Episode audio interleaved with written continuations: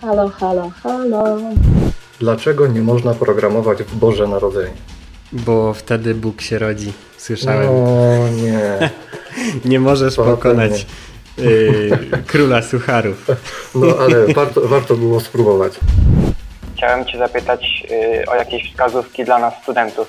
To są dane, które my musimy podać uczelni, żebyśmy mogli studiować, ale czy możemy zrobić coś jeszcze y, w kierunku ochrony własnych danych, które, które ta uczelnia przechowuje? Co, przychodzą mi do głowy marsze protestacyjne. and I built a bartending robot um, with like DC motors and silicon tubing, and of course it was Alexa enabled, so I could just say, Alexa, make me a Negroni, and it would pump alcohol out of five different bottles into a single glass.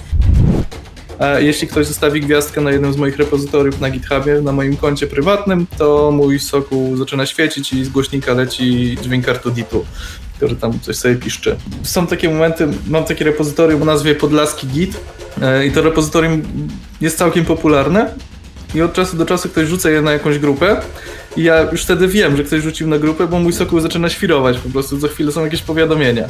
A moja żona bardzo to lubi, szczególnie jak zostaje czasami sama w domu i nagle sokół zaczyna coś tam piszczeć, nie? Więc when I start work on a new map, I run a playtests every day at the office, and it's pretty cool because we can just start a playtest and then you mail everyone and say like, "Hey guys, you know, join my server. You know, let's let's do a quick round here." Jeżeli ktoś, kto zajmuje się security twierdzi, że nigdy niczego nie schakował, to znaczy, że jeszcze się nie przedawniło i nie chce się przyznać.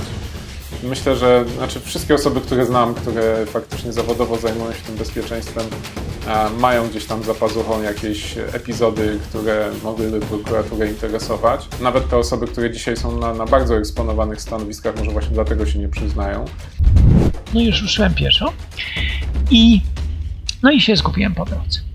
E, Ciekawe jest to, że szedłem, ale wiedziałem, że kierunek jest słuszny, tylko że droga jest nie ta. E, No i zgubiłem się w tym buszu, no ale w pewnym momencie poczułem już po jakimś czasie jakieś odgłosy ludzi. No i w pewnym momencie, uwaga, uwaga, nie zmyślam, z buszu wyszła do mnie dziewczynka w czerwonej czapeczce z koszyczkiem i powiedziała, że idzie do chorej babci. Słuchaj, nie żartuję. Więc mi scena opadła i teraz tak. Jak tu dziewczynie powiedzieć, że ona mi przypomina czerwonego kapitana? Nie da się, dlaczego? Dla, dlatego, że jesteśmy na drugiej stronie świata. Pandemiczny gończek. Stop! Śpiewałem.